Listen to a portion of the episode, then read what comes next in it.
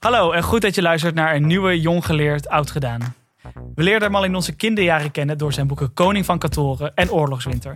Hij is schrijver, politicus, wetenschapper en als je het mij vraagt, de Nederlandse Sir David Attenborough. Hij heeft een onvermoeibare liefde voor zijn koeien en vond op latere leeftijd zelfs nog kalverliefde. We zijn op bezoek in Twello bij niemand minder dan Jan Terlouw. Wat leuk dat we hier mogen zijn. Welkom. We beginnen onze podcast altijd met een sprong naar het jaar dat onze gasten 25 waren. 1956 was dat. Hoe heeft u dat eh, eh, jaar beleefd? Weet u dat nog? In 1956 was ik in dienst, in militaire dienst. En ik was denk ik net toen nog in de officiersopleiding. En ik ben getrouwd in dat jaar. Dat was een, kijk, ik was student geweest en toen had ik mijn studentenkamer niet meer. En mijn, mijn, mijn bruid ook niet. Dus we hadden geen plek meer. Zei, laten we maar trouwen en dan vinden we een plek samen. Kreeg ik ook trouwens een beetje inkomen. Dan werd je, als je getrouwd was, dan kreeg je niet 1,25 per dag. Maar ik geloof 300 euro schulden in de maand. Oh, echt? Ja. Dus, het- dus het trouwen had, had voordelen. Het had voordelen. Was dat vanuit de staat om mensen aan te moedigen om te gaan trouwen? Nee, dat was omdat nou eenmaal je moest in dienst. En ja, als je getrouwd was, dan moest je inkomen hebben. Ja. Maar het was ook het jaar van de Hongaarse opstand, hè, 1956. Dat herinner ik Wat weet u daarvan? goed. Ja, dat moet ik me diep in mijn geheugen graven natuurlijk. Het is lang geleden. Maar eh, ik weet wel dat ik, dat ik van in het leger dacht... nou, wie weet moeten we straks toch in de slag daar, hè? Er was zoveel dreiging dat u dacht, straks moet ik de hort op. Nou, het, het, het hoorde bij de mogelijkheden. Ik was niet zo dat ik doodsongerust was dat ik daarheen moest, maar ja, ik zou echt, ik zou dat best wel spannend vinden als ik nu, tenminste ja, de dienstplicht is natuurlijk sowieso afgeschaft, maar eh, ik kan me niet voorstellen dat ik in het leger zou moeten. Ik zou dat echt doodeng vinden, denk ik. Zeker met, met de geschiedenis die u als in uw jonge jaren heeft beleefd, dat u weet van oké, we hebben een oorlog gehad, er zijn zoveel mensen eh, overleden in die tijd. Ehm, als ik straks weer naar het front zou moeten, dan is de kans dat ik overlijd best aanzienlijk. Ja. Maar dat, dat, dat, dat, Nou, dat speelde toch niet zo'n grote rol hoor. Die kans was niet zo groot. nee? En ik moet zeggen, ik, heb, ik vond het vervelend dat ik in dienst moest, want ik was net afgestudeerd en ik wilde met de wetenschap verder. Maar ik heb ontzettend veel geleerd in dienst. Want voor het eerst, ik werd, ik werd eh, waarnemend compagniescommandant. Compagnie van 300 man. De kapitein was heel veel ziek of afwezig. En dan moest ik een compagnie van 300 mensen leiden. Dat was ik totaal niet gewend als student. Ineens ook zoveel maatschappelijke verantwoordelijkheid. Ongeruste ouders, eh, conflicten die opgelost moesten worden. Zoveel onderofficieren die, waarvan sommigen het goed deden en anderen niet. En daar ging ik dan over. Ik heb er heel veel van geleerd. Zou u het aanraden eh, eh, dat, dat wij nu met z'n allen toch weer een soort van een dienstplicht inschakelen of Ik zou instellen? het niet zo gek vinden hoor. Ik zou het niet zo gek vinden. Hoe kijkt u naar onze generatie wat dat betreft? Zijn we, zijn we een beetje lui geworden of nemen we onze vrijheid misschien voor lief? Nou ja, ik denk dat jonge mensen te weinig een, eh, beseffen dat ze lid zijn van een samenleving met een, samen, met een orde waarin je verplichtingen hebt en verantwoordelijkheden. Dat leert de dienst je wel. En ook, ook ik, ik kwam dus als net afgestudeerde natuurkundige eh, in, in die dienst met, met 40 jongens in een peloton. Jongens van alle soorten. Dat was leerzaam. Je komt gewoon veel meer verschillende mensen tegen wat Ja. dat betreft. En, en nu We blijven we misschien allemaal in onze bubbel. We moesten het samen vinden. Al die verschillende af- afkomsten van jongens. Ik moest allemaal dingen leren die die jongens veel beter kon, kennen, kon, konden dan ik. Ik moest, moest mijn kleren keurig opvouwen en dat moest met een lineaaltje in een kastje. Oh ja. Zo was dat. En dat konden ze veel beter en hielpen ze mij. En, eh, ja. Ja, want dat is dan het mooie eigenlijk. Dat je dus leert dat, er, dat je dus eh, misschien wat praktische skills eh, tegenover misschien wat denkskills. eh, dat, je, ja, dat je dus dat met elkaar kunt delen. ja, het is heel nuttig om met mensen van allerlei afkomsten en, en kundes en kennis enzovoort omgaat. Had u dat vroeger, dat, u, dat, er een, dat er een gevoel was van... oh ja, wij, ja, ik ben me bewust van mijn privilege. Nou, ik weet nog heel goed, toen ik als 17-jarige jongen naar Utrecht ging om te studeren. En ik weet nog dat ik over het, ik kan het zo nog weer navoelen, over het Domplein liep. Ik weet niet of jullie het kennen, het Mhm, Domplein. Ik heb ook in Utrecht Ja, En gewoond. dan ook. staat die universiteit, die staat daar zo schuin op. En dat ik voor het eerst door die deur ging en een soort lichamelijk gevoel van, ach, wat een voorrecht, wat een privilege. Dat ik hier door die deur waar mijn vader ook door is gegaan, waar zoveel beroemde wetenschappers door zijn gegaan. En het ook, ook een verplichting voelde om bijvoorbeeld naar het studium generale te gaan en om de filosofische oude schrijvers te gaan lezen. Ik dacht, dat hoort bij me, dat, bij dit privilege. Dat moet U heeft sowieso volgens mij een vrij groot plichtsgevoel, toch? Ja, ik heb een, ge- geloof ik een beetje overdreven verantwoordelijkheidsgevoel Waar komt dat vandaan? uit de oorlog. Ja? Ja, denk het, ja. Ik heb dat laatste oorlogsjaar, toen was ik 13 jaar. En ik kon niet naar school. Al mijn vrienden zaten... Ik zat in de tweede klas van het lyceum in Zwolle. En woonde in Wezep. En ik kon er niet heen, dat laatste oorlogsjaar, vanwege de IJssel en vanwege de oorlogsomstandigheden. Ja. Dus ik had mijn vrienden niet bij me. Ik was met die oorlog, zoals iedereen trouwens. En dat gaf allerlei vreemde verantwoordelijkheden. Die een 13-jarige jongen niet hoort te hebben. Zoals? Ja, zoals. Er kwam een enorme stoet hongerleiders uit Haarlem, uit Rotterdam, uit Amsterdam, over de Zuiderzeestraatweg. Meestal mensen van een jaar of zestig grootouders.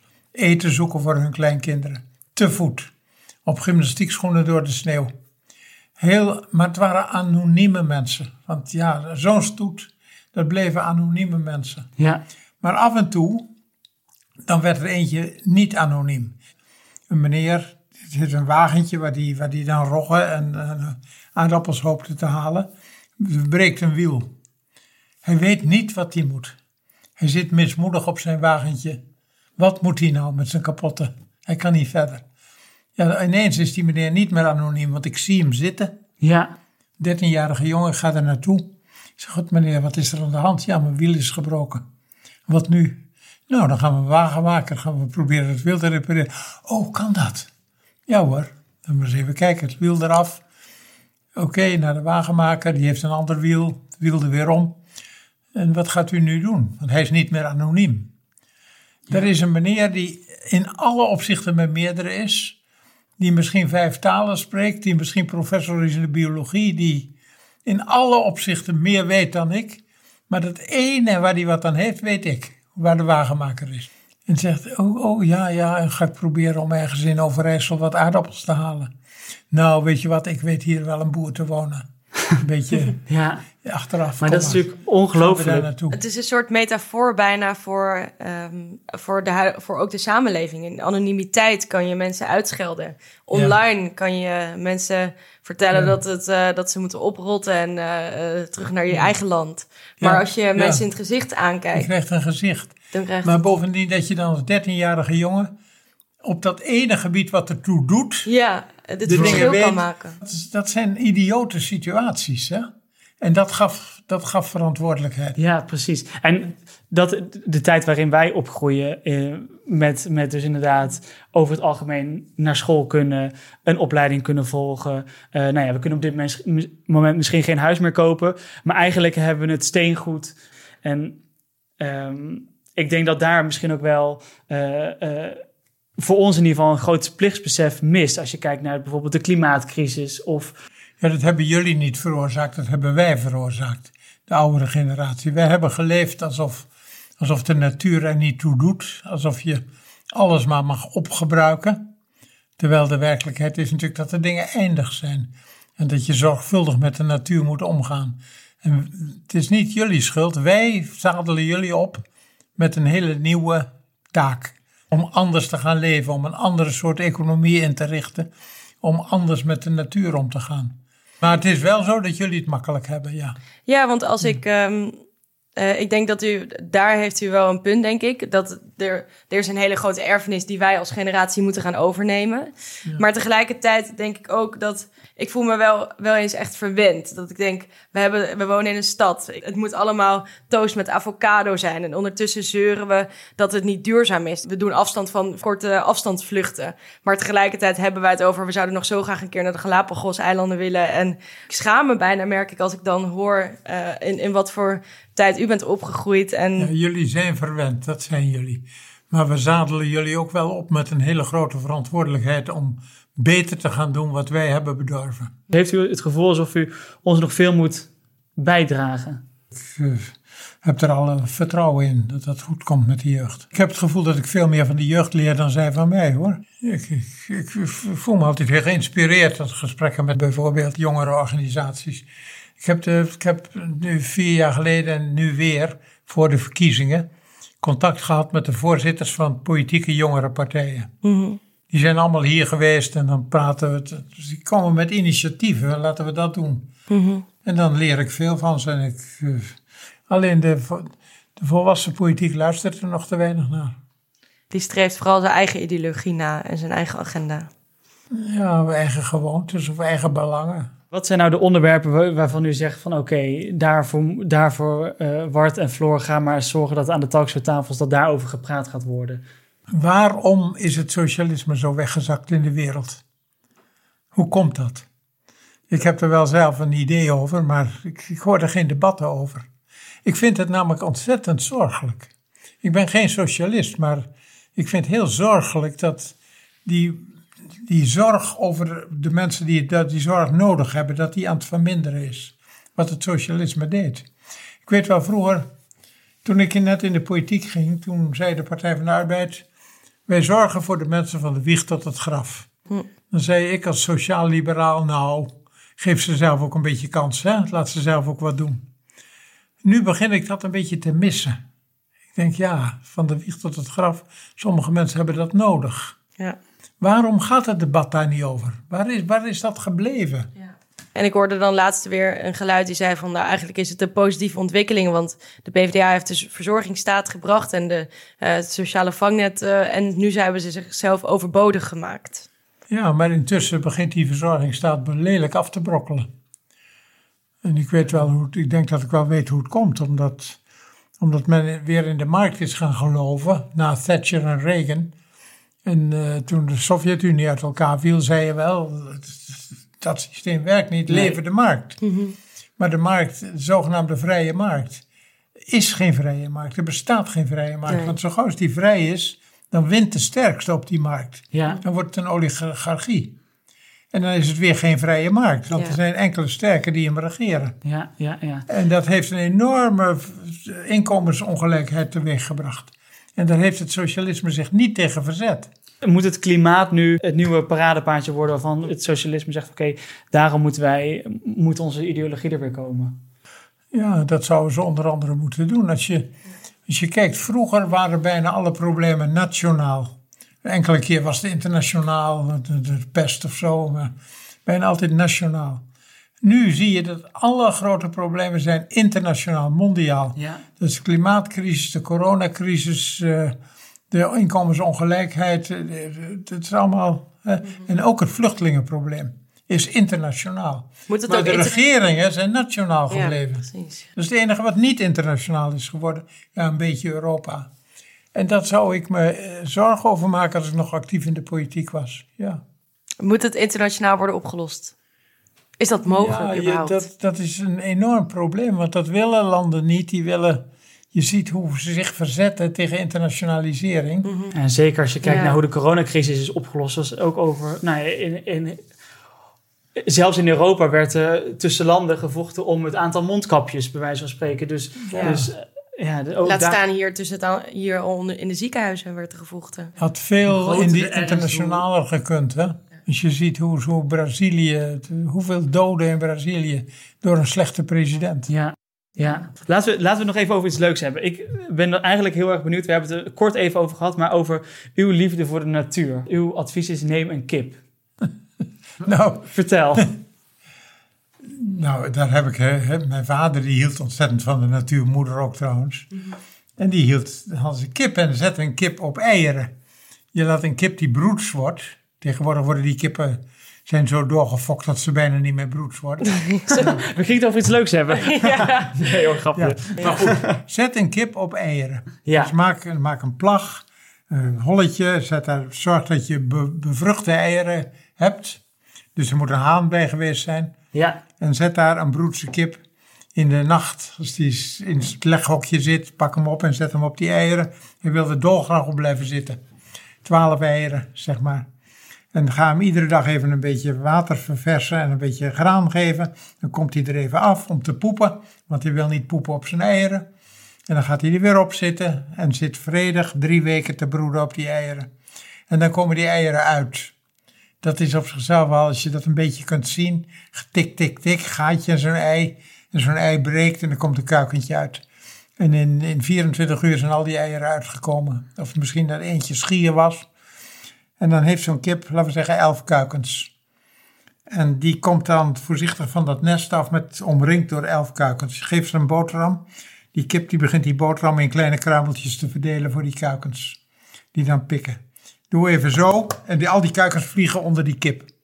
Steken soms een kopje tussen die veren door. Het is zo mooi om te zien. Het is zo ontroerend. Nou, dat kan iedereen doen eigenlijk. Waarom ontroert het u? Ja, omdat het zo mooi is. Het is, het is prachtig. Het is een kip met die kuikentjes. En die kuikentjes die, die worden zo goed verzorgd door die moederkip. En die, uh, ja, het is gewoon hartstikke mooi om te zien. En u zegt dat als, als, als wij als, als jonge generatie, uh, wij krijgen misschien later over een paar jaar zelf kinderen, allemaal zorgen dat we, dat we uh, onze kinderen kunnen laten zien hoe een kip een, haar eieren uitbroedt en hoe ze, hoe ze de kinderen grootbrengt, dat dat een, een mooie levensles is voor, voor het houden van de natuur eigenlijk. Ja, nou ja, dat is een van de dingen die ontzettend mooi zijn. En je kunt het, en bijna iedereen kan het doen, ook in een stadstuintje. Hè? Dat is niet iets heel groots, geen koeien.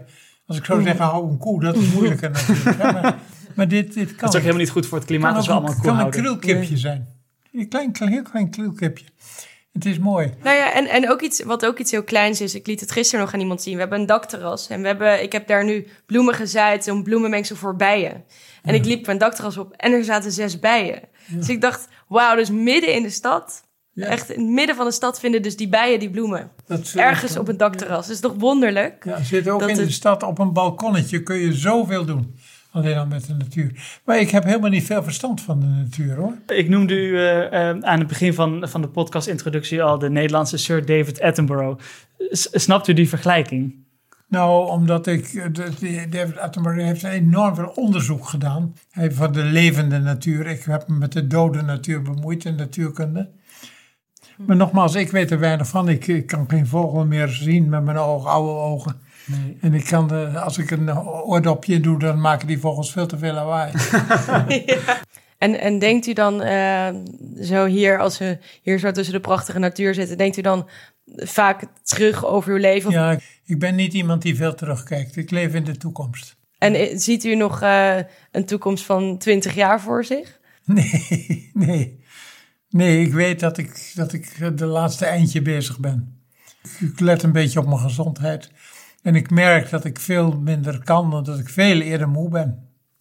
En dat vind ik wel jammer. Dan denk ik, god, dan ben ik alweer moe. Ik doe vaker even een dutje. Ja. Nee, ik vroeger natuurlijk niet.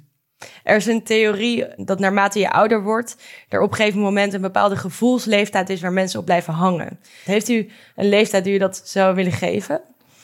Nee, ik geloof het niet. Nee.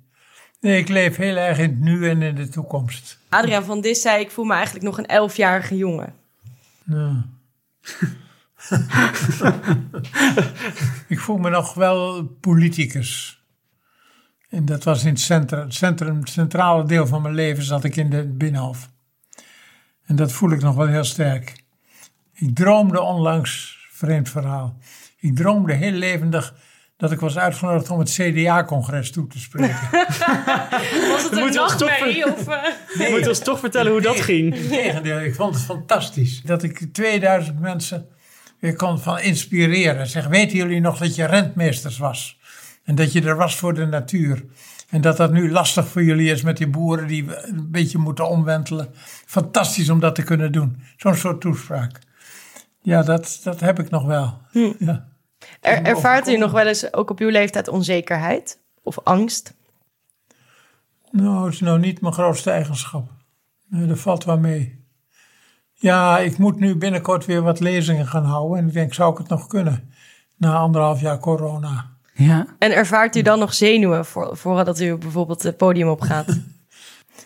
Ik, ik heb gemerkt dat er twee dingen zijn in het leven die je ontzettend uitputten. Dat is ruzie en zenuwen. Dus ruzie moet je niet maken, want dat kost veel te veel kracht. Nou, daar kun je iets aan doen.